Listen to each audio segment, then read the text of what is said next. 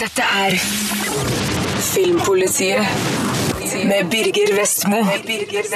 90 minutter er en ubehagelig film om menn som dreper kvinner.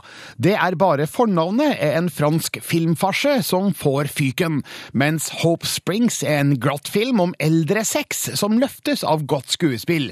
De her premierefilmene anmeldes i denne utgaven av Filmpolitiet, hvor vi òg skal felle dommen over to årlige spillserier, nemlig NHL 13 og Fifa 13, og jeg skal fortelle deg nøyaktig hvor bra Titanic er på Blu-ray.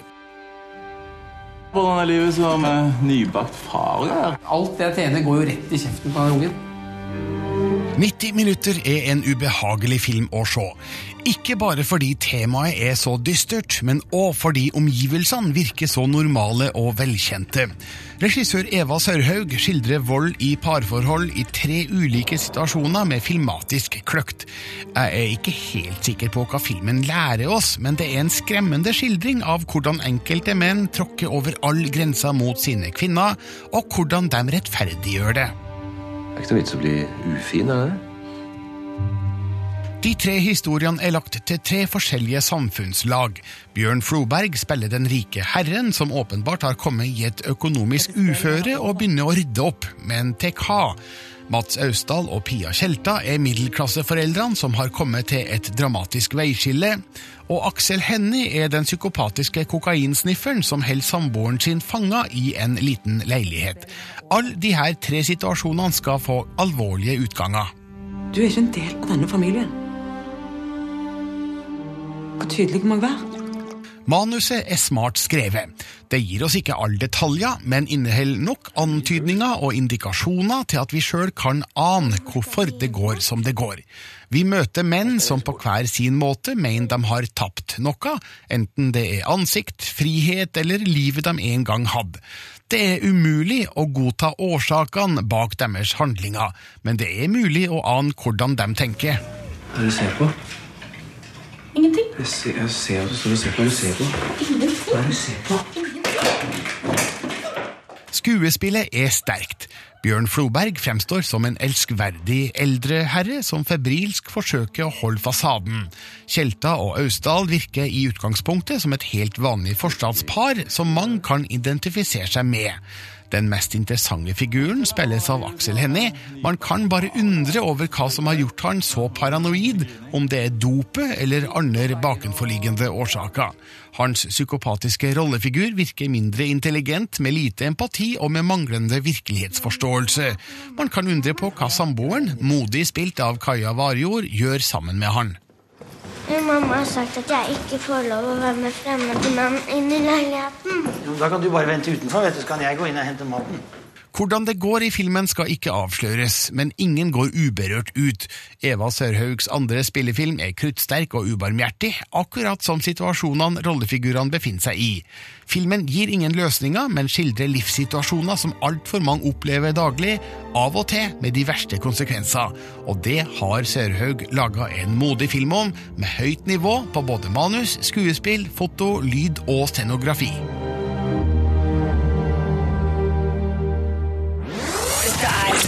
Filmpolitiet på P3. En av skuespillerne som utmerker seg i den filmen, er Aksel Hennie i rollen som den psykopatiske og voldelige Trond. Filmbonanzas Vegard Larsen har møtt Hennie, som forteller om sin rollefigur og hvor vanskelig det var å spille han. Det er en fyr som jeg verken har lyst til å kjenne eller øh, å være. Det er en fyr som jeg syns det var vanskelig å forstå, eller vanskeligere å forstå enn en andre roller. Rett og slett fordi at han var ganske langt unna meg som, som menneske. For det er, det er scener der hvor uh, du og din motspiller, da, Kaja Warjord, uh, hvor uh, du slår henne, binder henne fast, voldtar henne. Hvordan er det altså, Det er jo spill, dette her, men hvordan er det å, å gjennomføre noe sånt? Du klarer ikke helt å Altså Jeg er ikke en fyr som forsvinner inn den rollen jeg er. Jeg er ganske sånn håndverksmessig i forhold til hva jeg gjør. Men den Det er en del ting den kroppen her sånn, og det huet her sånn ikke er keen på å gjøre. Og det merker jeg. Jeg har noen muskler, og jeg har noe syke som slåss imot å gjøre de tinga som jeg ikke skal gjøre.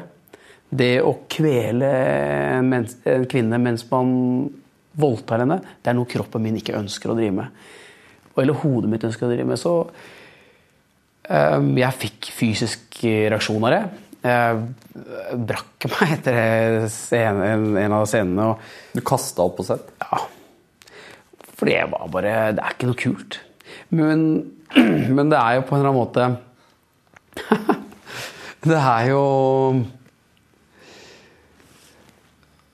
Det er en heavy tematikk, og det er, når en heavy tematikk skal belyses, så må man ta det på en, en seriøs og alvorlig måte.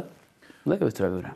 Men eh, som, som skuespiller så må man vel på et eller annet vis eh, prøve å få en sympati med den personen man skal spille, eller på et eller annet vis identifisere seg med den. Eh, Hvordan klarte du å gjøre det den gangen? Det er ikke et eneste problem å sympatisere eller å finne. For at det, altså, hvis man ikke klarer å identifisere seg med et menneske, uansett hvor ondt det mennesket er, eller hvor vondt det mennesket er, så har man et problem, tror jeg. I hvert fall som skuespiller. For du må forstå. Eh, Jeg, jeg, ikke, jeg har ikke behov for å forsvare det mennesket. Jeg har ikke noe behov for å forsvare handlingene til det mennesket. For det er ikke alltid mennesker forsvarer sine egne handlinger engang. De fleste av de mennene som jeg har pratet med om dette her, er jo jævlig lei seg rett etter det har skjedd. De tenker faen, liksom. Nå gjorde jeg det igjen, liksom. Nå dreit jeg meg ut, liksom. Faen. Men det hjelper ikke, liksom. For du har gjort det. Det hjelper ikke å synes synd på seg sjøl når du har gjort Men jeg kan forstå de. Men jeg trenger ikke å forsvare handlingen. Jeg kan forstå de som mennesker, men jeg trenger ikke å forsvare det de gjør. Rolle for meg er veldig muskulært. Da. Det handler for meg ofte om å finne hvor det mennesket har ubehaget sitt eller behaget sitt, eller hvor, hvor du er Sånn som fysisk sett så er det ikke noe vanskelig å hente fram de karakterene som, som jeg spiller. Og Trond virkelig ikke. For han har så mange indikatorer på hva han er. Du kan hente han fram, liksom? Ja, det er ikke noe vanskelig. Uh, jeg, Trond i 90 minutter er jo en vekselsvarmt dyr. da. Han har jo, han har jo ytre stimuli som påvirker sanseapparatet hans hele tida. Han tar i seg masse forskjellig dop, han er blandingsmisbruker, så han blir jævla varm. Som gjør at han sliter med at han er hele tida litt sånn varmt. Men så er det litt kaldt òg, for at eh, Så det er hele tiden litt sånn ubehag. Og, og når du har ubehag, så er det, er det ikke noe keen å møte blikket til folk. Eh, og så lurer du på hva de prater om. Uh, og så blir det jævlig ubekvemt å sitte og være der du er, så kroppen begynner å gå, og du begynner å bli så Du kjenner at det er, det er så lite som skal til før, før det er et eller annet som, som irriterer deg. da. Det er et dyr, ikke? Et dyr som som ikke er meg, da, som kan sitte her sånn, som er, som er rolig, men som er et menneske som ikke vil være her. Det er et menneske som ikke vil være her. Hvis du putter fingeren inn i et minkbur, så blir du bitt. Det kan du ta deg faen på. Ja, På et eller annet tidspunkt. Og sånn er det med han fyren òg. Når du sitter inne i et hjørne sånn, og folk begynner å pelle på deg, så blir du redd. Og du blir sint. Og det er min måte å jobbe på. Folk har jo vidt forskjellig. Arendal Torp, som er en av de beste skuespillerinnene jeg veit om å jobbe med. Fantastisk jente som jeg skal jobbe med nå på den filmen her sånn også. Hun skriver jo bøker, liksom. Hun skriver ut en notatbok om bakgrunn og alt mulig sånn. og Så veit hun hvor hun har vært. Så hun vet, liksom, Hvis folk spør henne sånn Hvor var du når du fylte 15? Da gikk jeg på Kolbotn ungdomsskole og hadde en lærer som het Trygve. Det gir henne masse mat. For meg mye mer muskulært, mye mer intuitivt. Det er, det er en film eh, nærmest utelukkende med ubehag fra A til Å. Er det en eh, publikumsmagnet, dette her? Nei, men det er ikke en Det er ikke en sånn film. Jeg snakker med Jeg har en manager i Statene som syns det er jævla kult det jeg gjør. Han liker måten jeg spiller på. Han syns det, liksom, det funker, da. Og det er grunnen til at han er min manager. Og han var sånn Axel, the, part you're doing there is insane. I mean, I love the guy. I, I don't love the guy, but I love your character. But as a movie, I mean, it's gonna it, it, it's gonna it's gonna kick festivals. I mean, the festivals gonna love it, and the people. I mean, the people who saw Irreversible and and the Free Will and everything, they're gonna love it because the film is great. As a movie, I don't think it's gonna sell that many tickets, Axel. No shit, Sherlock. I mean, det, det, er ikke sånn, Dette er ikke en film som Eva Sørheim har laget for at folk skal sitte og spise popkorn til. Men noen filmer skal lages og skal ses for at folk skal sitte i den kinosalen og føle det ubehaget, eller få de tankene og bli fylt på. Dette er en fylle-på-film. Gå inn der, se det, og men noe om det. For det er klin umulig å se 90 minutter uten å mene et eller annet. Og det er viktig, og det har jeg lyst til å være med på. Det sa Aksel Hennie til Filmbonanzas Vegard Larsen. Du kan se hele intervjuet i reprisen av Filmbonanza på NRK1 søndag kveld klokka 23.55, eller når som helst i NRKs nett-TV på nrk.no. På tirsdag blir spillet Tokyo Jungle sluppet på PlayStation Store. Andreas Opsvik har testa det, og funnet ut at det er altfor mekanisk og for klossete gjennomført. Et aude og attgrodd Tokyo, urøvd av menneskehand på lang tid. Og for en gangs skyld så er du ikke en marinesoldat eller en annen uvaska helt. I stedet er du en liten væskehund mot naturens harde bit. Det her er Tokyo Jungle, og du skal freist overleve midt i det tjukkeste kulturlandskapet verden har å by på. Helt uten menneskelig hjelp. Spillet har eh, to moduser. I overlevingsmodusen må du velge blant et stadig voksende utvalg dyr som du skal ete, overleve, kjempe med og formeire deg med så lenge som overhodet mulig. Først kan du velge mellom en søt liten pomeranier eller en hjort, og låse med tida opp nye dyr som du kan spille med, alt fra hverdagslige kyllinger og kattepuser til mer eksotiske bjørner og elefanter. Etter hvert som du spiller, låser du òg opp kapittel som du kan eh, leke med i en egen historiemodus. Dette er mer spesifikke, og ber deg f.eks. om å finne en make i et område fullt av ting som helst vil ete deg som mellommåltid.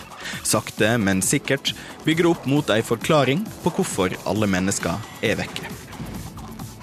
Tokyo Jungle er et spill som kommer til å ødelegge all tru på at kjæledyra dine er søte dydsmønster. Observer ulvens nære slektning rive ut strupen på en alligator, eller en katt som klorer opp øynene til en uskyldig hare. Dyra du kontrollerer, som tydeligvis alltid er hanndyr, kan òg pare seg med det spillet omtales som prime, average or desperate, hodyr, for å øke overlevingssjansene dine. Hver gang du føder et kull, får du en liten gjeng høgst levende ekstraliv springende i flokk bak deg. Og hvis du dør, så hopper du bare videre til nestemann.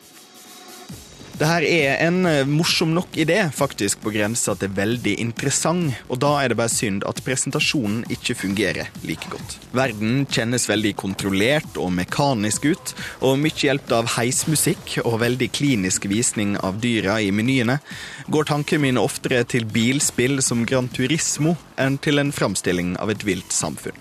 Dette er som en arkadeversjon av Darwins Den sterkestes rett. Det er et av få spill som jeg har vært borti der overlevingsmodusen er første prioritet. På de første overlevingsforsøka låser en gjerne opp et par kapittel av historiemodusen, men når en så har kommet inn i pomeranierkvalpens livsførsle, blir en tvunget tilbake til overlevinga for å låse opp mer. Hadde en i stedet kunne fått spille historia uavbrutt og hatt overlevingsmodusen, som òg er en flerspillermodus, ved siden av, så hadde en kunnet kommet ut av den evige loopen av gjentakende og ofte relativt korte spilløkter. Når grafikken i tillegg ikke kjennes ut som den har nådd PlayStation 3-nivå, så klarer spillet aldri å overbevise meg. Det er mye innhold her, eh, men gjentakelsene spillet legger opp til, blir trått i lengda. Tokyo Jungle hadde nok overlevd bedre på en håndholdt konsoll som PlayStation Vita. Hva sted er vel bedre å utforske ti minutter med hobbesiansk naturtilstand enn når du pendler på bussen? Dette er Filmpolitiet på P3.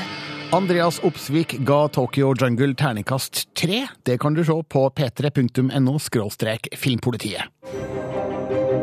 La vie est dure parfois. Vous avez eu une journée fatigante, des rendez-vous à la chaîne, des heures dans les transports en commun. Ah, c'est bon de se retrouver en famille. Putain, offrez-vous un ascenseur. Jeg har ingenting imot filma teater.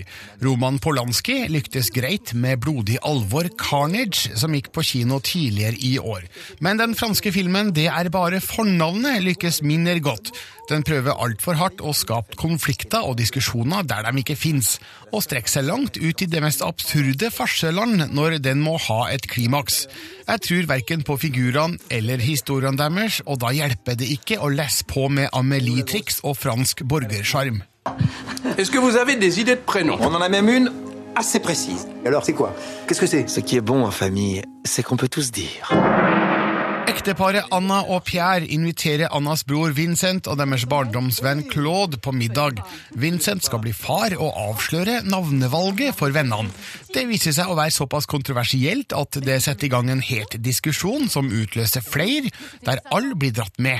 Ça vous a pas plu alors Ideen er god, den, men det føles anstrengt når manuset etter hvert må tyne troverdigheten for å holde temperaturen opp. Figurene tråkker videre i salaten, der man i det virkelige liv ganske enkelt ville ha greid å ro kvelden inn. Spesielt den siste sjokkerende avsløringa er litt for eh, fransk til at jeg orker å engasjere meg og syns det her er holdbart som underholdning. Tu serais généreux parce que t'as offert un iPod à Myrtille pour ses 4 ans C'est sûr que les morceaux de bois, ça a pas dû te ruiner. T'étais un mikado, connard Det er òg litt for åpenbart hvordan regissør Alexander de la Patelier forsøker å sprite opp den statiske situasjonen. Alt foregår i samme rom, med en amelisk fortellerstemme og til og med en samling seksuelle klimaks inspirert av samme film. Jeg antar at Mathieu Delaportes originale teaterstykke ikke hadde det her, og kanskje ville filmen vært bedre uten òg. De her grepene stikker seg ut som fremmedelementer. T'es très bonne, oui. Tu penses que je suis homosexuel, c'est ça T'as toujours été célibataire. Tu vis dans le marais. Tu fais des manucures. T'écoutes Etienne Dao. Etienne Dao, putain, Claude. Det fins nok av frankofile nordmenn som sikkert vil sette pris på Det er bare fornavnet, og det fins dialoger og situasjoner verdt å oppleve i filmen. Noen av personkarakteristikkene er interessante. Bare synd at helheten ikke holder mål, historien er for konstruert. Derfor tror jeg ikke på det den forteller meg. Oui. Oui, oui, oui, j'ai suivi ta recette, oui, oui. J'ai le plat entre les mains, il ne reste plus de miettes. Dette er Filmpolitiet med Birger Vestmo. Med Birger Vestmo. Titanic kom endelig ut på Blu-ray på onsdag, og det skal markeres her i Filmpolitiet. Først med et gjenhør med anmeldelsen er laga da filmen ble relansert på kino litt tidligere i år.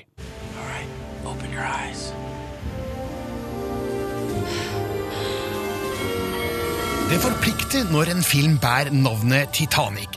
Regissør James Cameron innfridde heldigvis i 1997 og ble belønna med publikumsrekorder og elleve Oscar-priser. Det er morsomt å konstatere at filmen hans holder mer enn mål 15 år senere.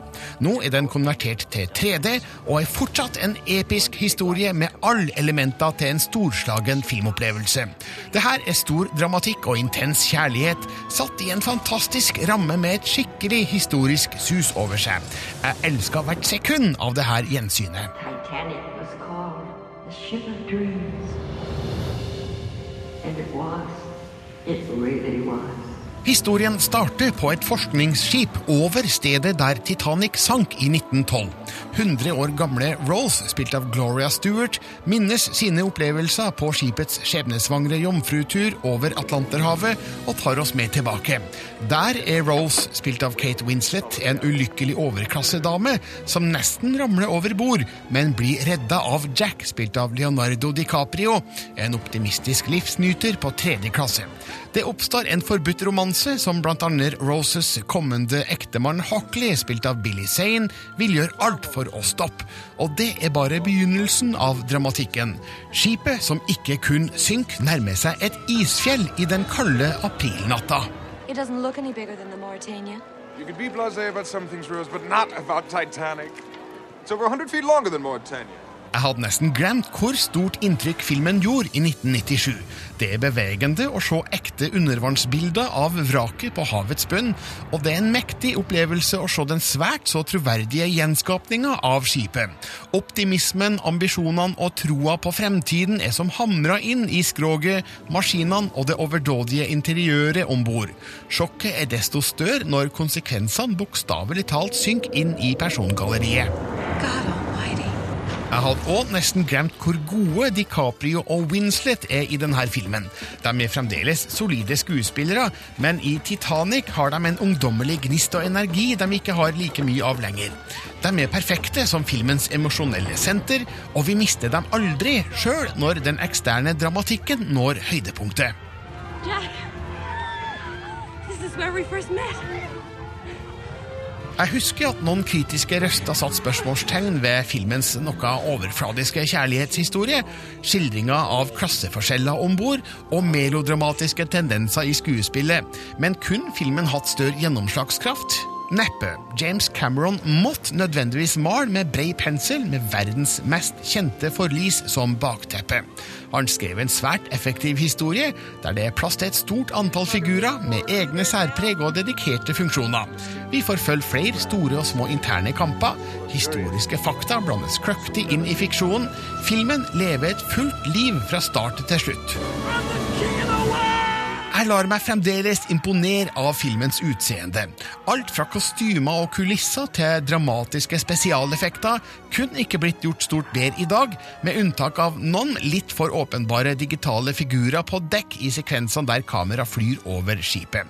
Nå kan du se alt i 3D, og jeg er glad for å kunne melde at konverteringa åpenbart er gjort møysommelig, og at dette sannsynligvis er en av de bedre 3D-opplevelsene jeg har hatt på kino. Det var med på å gjøre gjensynet med Titanic særdeles kjærkomment. Tre timer og 15 minutter gikk unna på et blunk. Denne fantastiske filmen har tidløse kvaliteter som vil gjøre at stadig nye generasjoner vil oppdage den. Do not let go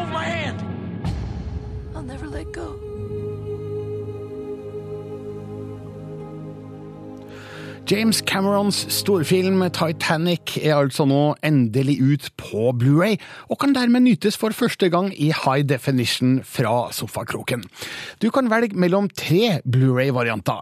På den ene får du filmen i Blu-ray 2D og DVD, samt én disk med ekstrastoff. På den andre får du i tillegg 3D-versjonen spredd over to Blu-ray-disker. Den tredje varianten er nok en godbit for de aller største Titanic-tilhengerne, nemlig en gaveboks kalt 15th Anniversary Special Collectors Edition, som i tillegg til filmen i både 2D og 3D blant annet inneholder ei bok, en kopi av en Titanic-billett og en replika av en avis fra 1912. Filmen ser fantastisk ut i Blu-ray-kvalitet og er helt feilfri, i hvert fall etter det jeg kan se. Russell Carpenters bilder fra 1997 ser virkelig ikke ut som om de er eldre enn én dag. Det her er sylskarpt, detaljert og dybderikt. Jeg har ikke fått sjekka 3D-versjonen på Blu-ray, men i kinoanmeldelsen du hørte i sted, så konstaterte jeg at konverteringa åpenbart er gjort møysommelig, slik at det her er en av de bedre 3D-opplevelsene jeg har hatt. Lyden kommer òg til sin rett, takka være et imponerende lydspor i DTS HD Master Audio. De dramatiske lydene fra et døende skip kun knapt har vært miksa med større effekt enn i dag. Så var det ekstrastoffet, da, og det er mildt sagt rikholdig. Mye av det er henta fra tidligere DVD-utgivelser av Titanic, men noe er også nytt. Reflections from Titanic er et timelangt program der nøkkelspillere både foran og bak kamera forteller om sine minner fra innspillinga. Det er en interessant dokumentar, men den holder et svært høyt tempo. Redigeringa er gjort i en så høy rytme at jeg ofte fikk følelsen av å bli presentert for mer fakta enn jeg rakk å prosessere. Jeg må kanskje se den her et par ganger til. Den andre dokumentaren, Titanic The Final Word with James Cameron, er et program fra National Geographic laga i forbindelse med 100-årsmarkeringa av forliset. Her samler regissør Cameron en rekke av verdens fremste Titanic-eksperter til en slags havarikommisjon for å analysere hva som egentlig skjedde med Titanic etter at det sank. Det her har kanskje ikke så mye med sjølve filmen å gjøre, men er like fullt svært interessant for all med litt over middels interesse for det her historiske forliset. Foruten det her får du 29 slettede scener, 60 små såkalte featurettes, tre kommentarspor til sjølve filmen, og mye, mye mer. Gjennom det hele fremstår James Cameron som en ustoppelig kraft med et enormt engasjement, fortellerglede og eventyrlyst. Ja, det her må jeg si smitter over på meg, og er med på å gjøre Titanic på Blu-ray til et selvsagt kjøpsvalg. Denne utgivelsen vil få et langt og godt liv i hylla mi. Du hører på P3. P3. Premierefilmen Hope Springs forteller om eldre menneskers seksualitet, og gjør det på en teflonglatt måte, men klasseskuespillere som Tommy Lee Jones og Meryl Streep løfter filmen flere hakk, syns Andreas Hatzel Opsvik. Happy anniversary. They are so beautiful. Huh, Arnold? So what did you guys get each other? Yeah, 31. What gift is that? Silver, ivory? Oh, we got each other the new uh, cable subscription. Oh, great. It's a lot of channels. Foreldre har stort sett hatt sex. Ja, til og med besteforeldre har en eller annen gang kost seg i sengehalmen. Om de fremdeles gjør det, er en litt annen sak. Eldre menneskers seksualitet har blitt utforska på film før, men klasseskuespillere som Tommy Lee Jones og Meryl Streep tar filmen Hope Springs ett nivå høyere enn den ellers ville ha vært. It feels like Arnold and I aren't going towards anything anymore. I want a real marriage again. Arnold og Kay har i hvert fall ikke hatt sex på lenge. Gjennom et eh, 31 år langt ekteskap har den berømte gnisten flydd ut av forholdet, og resultatet er en rutine som er omtrent like spennende som en 13 kroners frossenpizza. Atskilt soverom, to egg og en skive bacon til frokost hver dag, og knappast et kyss på kinnet. Kay er lei denne evige runddansen og savner intimitet. Derfor melder hun de begge på intensivterapi hos den velkjente parterapeuten dr. Feld i den idylliske småbyen Hope Springs. You come up here, you spend one week, and you're supposed to have a new marriage. Arnold, your wife is very unhappy, and you have to ask yourself, have I done all I could? Målet er at du skal ha ledd, humra, tenkt og kanskje til og med grått litt før den halvannen timen er omme. Det er teflonglatt og pent filma, uten de helt store provokasjonene. Særlig utfordrende? Nei, det er det ikke. Med mindre du skulle være allergisk mot gamle folk som er glad i hverandre. Litt flaut kan det jo kanskje være. Det her er ikke nødvendigvis filmen du tar med mora di for å se, men det er gjort tålelig av et koselig manus som både behandler temaet og figurene sine på en god måte. Kay Arnold, I'm so glad you're here. Well, that makes one of us. Avslutninga på filmen kommer litt for raskt, litt for lett, nesten litt for enkelt. Andre akt derimot, som dukker inn i forholdet og hvordan våre to hovedkarakterer kom dit de var i dag, er betraktelig bedre. Med svakere skuespillere hadde denne filmen fort falt gjennom, men eh, nettopp pga. nær perfekt casting klarer den likevel å ytre noe som fester seg om stagnerte forhold, uansett om du er 25 eller 60. Hope Springs behandler temaet sex blant godt voksne personer på en godt voksen måte. Om enn kanskje litt for snilt. Vel, det kan være at jeg bare er for ung ennå. You have fantasies? the threesome. With? Carol. Carol with the corgis? Hi! You got another corgi! I know. But three's the limit. Dette er Filmpolitiet på P3. Her skal vi nå kaste oss over to av høstens største spilltitler for sportsinteresserte. Fifa 13 om et øyeblikk, men nå skal det handle om NHL 13, og da handler det om ishockey. NHL-serien den debuterte på Sega Megadrive, eller Sega Genesis, som den også er kjent som, i 1991. Og det har da kommet hittil 22 utgaver av denne spillserien. Nå er det NHL 13 som er ute på markedet. Rune Håkonsen har testa det, og her er dommen.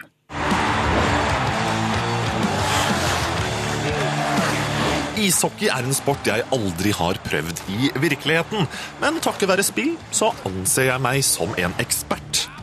Med NHL 13 viser EA nok en gang at de kan levere en spennende og utfordrende spillopplevelse, og de tar seg så til rette at ingen andre spillutviklere har mulighet til å komme til. Så lenge vi snakker om det som skjer på isen, da, vel å merke. År etter år har EA gjort opplevelsen av det å være på isen i NHL-serien bedre og bedre. I år med nytt skøytesystem, bedre kunstig intelligens og litt bedre målvakter. Terskelen for nybegynnere kan være høy, og læringskurven er bratt. Tilfredsstillelsen av å vinne en kamp er dertil ekstremt høy.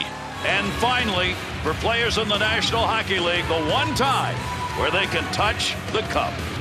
Følelsen av fart og bevegelse skaper mer dynamiske situasjoner.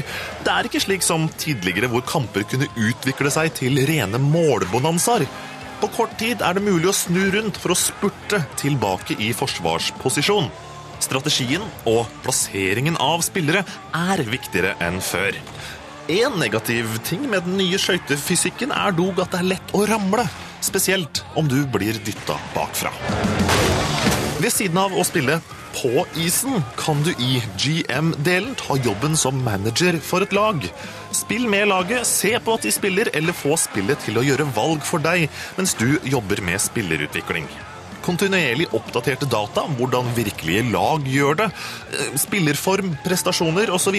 gjør dette til en viktig utvidelse av NHL-universet.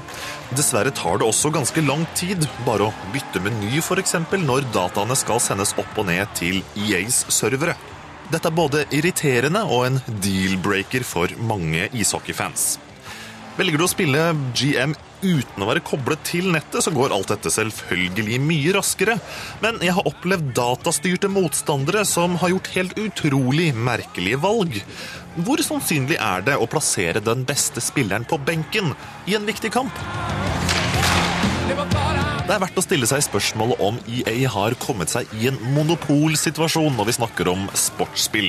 Eh, I hvert fall andre sportsspill enn fotball, da vel å merke. Med én konge på haugen går vi kanskje glipp av en fremoverretta utvikling av sportssjangeren. Det er ikke alle deler av det som skjer utenfor isen som er like bra i NHL 13. Men når du først kjenner på jubelbrusen og seiersrusen etter en god kamp, er det likevel ingen tvil. NHL 13 leverer varene på isen.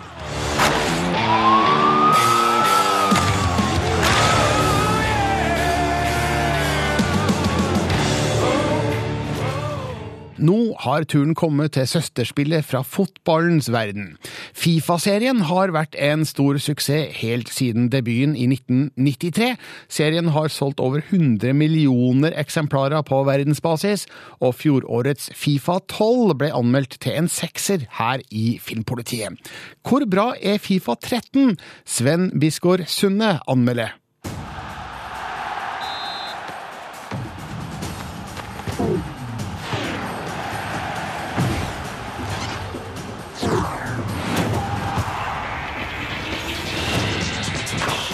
We're in the business of entertaining people. We want to make a game that's as realistic as we can, but the game still has to be fun, and that's the key.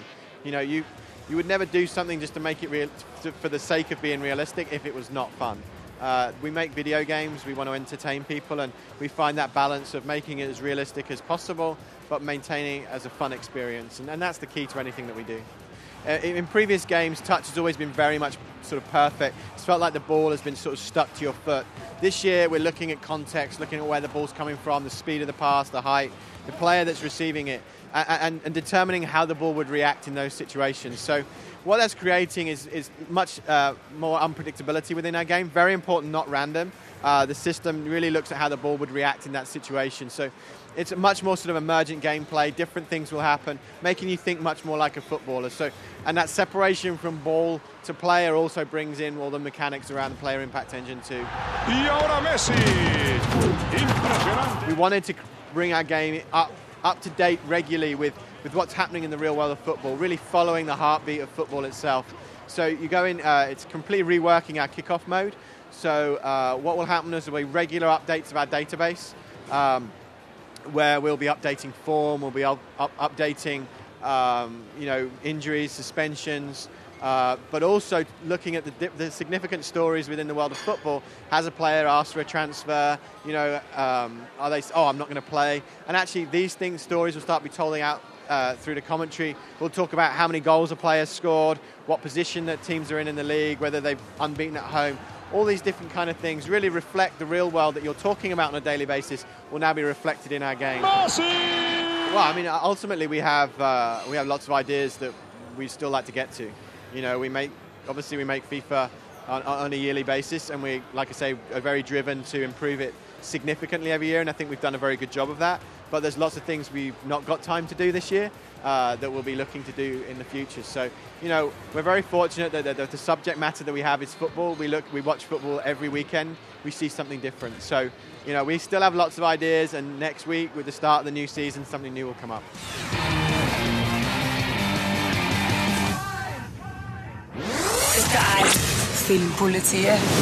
På P3. Vi skal ikke gi helt slipp på Fifa 13 ennå.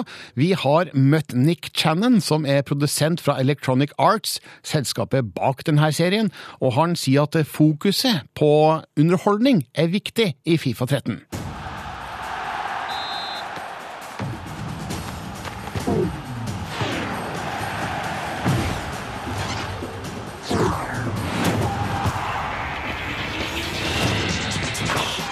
We're in the business of entertaining people. We want to make a game that's as realistic as we can, but the game still has to be fun, and that's the key. You know, you you would never do something just to make it real to, for the sake of being realistic if it was not fun. Uh, we make video games. We want to entertain people, and we find that balance of making it as realistic as possible, but maintaining it as a fun experience, and, and that's the key to anything that we do. Uh, in previous games, touch has always been very much sort of perfect. It's felt like the ball has been sort of stuck to your foot. This year, we're looking at context, looking at where the ball's coming from, the speed of the pass, the height, the player that's receiving it, and, and determining how the ball would react in those situations. So, what that's creating is, is much uh, more unpredictability within our game. Very important, not random. Uh, the system really looks at how the ball would react in that situation. So, it's a much more sort of emergent gameplay. Different things will happen, making you think much more like a footballer. So, and that separation from ball to player also brings in all the mechanics around the player impact engine too. Messi. We wanted to bring our game up up to date regularly with, with what's happening in the real world of football, really following the heartbeat of football itself. So you go in, uh, it's completely reworking our kickoff mode. So uh, what will happen is there'll be regular updates of our database, um, where we'll be updating form, we'll be up, up, updating, um, you know, injuries, suspensions, uh, but also looking at the, the significant stories within the world of football. Has a player asked for a transfer? You know, um, are they? Oh, I'm not going to play. And actually, these things, stories will start to be told out uh, through the commentary. We'll talk about how many goals a player scored, what position that teams are in in the league, whether they've unbeaten at home. All these different kind of things really reflect the real world that you're talking about on a daily basis will now be reflected in our game. Well, I mean, ultimately we have uh, we have lots of ideas that we still like to get to. You know, we make obviously we make FIFA on, on a yearly basis, and we, like I say, are very driven to improve it significantly every year, and I think we've done a very good job of that. But there's lots of things we've not got time to do this year uh, that we'll be looking to do in the future. So, you know, we're very fortunate that the, the subject matter that we have is football. We look, we watch football every weekend. We see something different. So, you know, we still have lots of ideas, and next week, with the start of the new season, something new will come up. Nick Channon fra Electronic Arts lover altså stadig flere påfunn og fornyelser i kommende Fifa-spill. Jeg tror denne serien kan holde det gående lenge. Men nå er det Fifa 13 som gjelder. Du kan altså lese vår femmeranmeldelse på p3.no filmpolitiet. Da skal vi over til noe nytt på Blu-ray og DVD, nemlig Dark Shadows med Johnny Depp i hovedrollen. Men da den kom på kino litt tidligere i år, så er det ikke fritt for at jeg følte et snev av skuffelse. What the hell is this? He's coming. He's coming. Johnny Depp og Tim Burtons siste samarbeid er en skuffelse.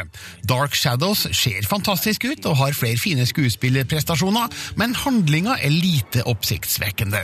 Det vekkes ingen sterke følelser i meg, filmen sklir forbi uten å gjøre nevneverdig inntrykk. Den er ikke spesielt morsom, den er ikke spesielt skremmende, den er bare rett og slett litt kjedelig. Og jeg er blitt vant til å kreve mye mer fra Depp og Burton. Tell me, what do you know? Johnny Depp spiller rikingen Barnabas Collins, som i 1876 blir gjort til vampyr av en sjalu heks og levende begravd i Collins Port på den amerikanske østkysten. I 1972 blir han gravd opp av veiarbeidere og returnerer til familiens gods bare for å oppdage at både familien og godset har forfalt, mens heksa Angie, spilt av Eva Green, er byens boss. Barnabas starter kampen med å gjenopprette familiens posisjon. Order, so. Rent filmatisk er det lite å sette fingeren på. Tim Burton gir oss drømmende visjoner som kan minne om billedbruken i Sleepy Hollow. Filmens gods er en egen figur med store haller, trapper og skjulte rom. Persongalleriet er sterkt karikert med detaljrike kostymer og tupeer. Alt føles som kalkulert kitsch. Reveal yourself. Johnny Depps fremstilling av Barnabas Collins virker som et amalgam av flere av hans kjente figurer. Man kan spore både Jack Sparrow, Kemp fra The Rum Diary og Sweeney Todd i Barnabas.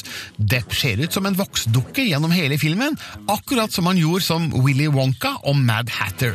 Jeg liker fremdeles å se Depp på kino, men føler det vel mye gjenbruk av gamle triks i Dark Shadows.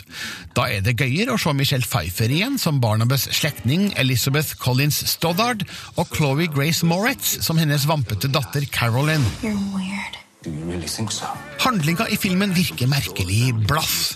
Filmen er basert på en gammel TV-serie, og det kan jo være at Burton og hans manusforfattere har vært opptatt av å blidgjøre fansen ved å inkorporere så mye som mulig fra kilden. Det virker å være mange elementer her som ikke er viktig for hovedhistorien. Blant annet får vi en avsløring om en av de yngste figurene mot slutten av filmen, som virker komplett umotivert. Dark Shadows representerer ikke historieforteller Tim Burton på sitt beste. Are you stoned or something? They tried stoning me, my dear. It did not work. Dette er Filmpolitiet på P3.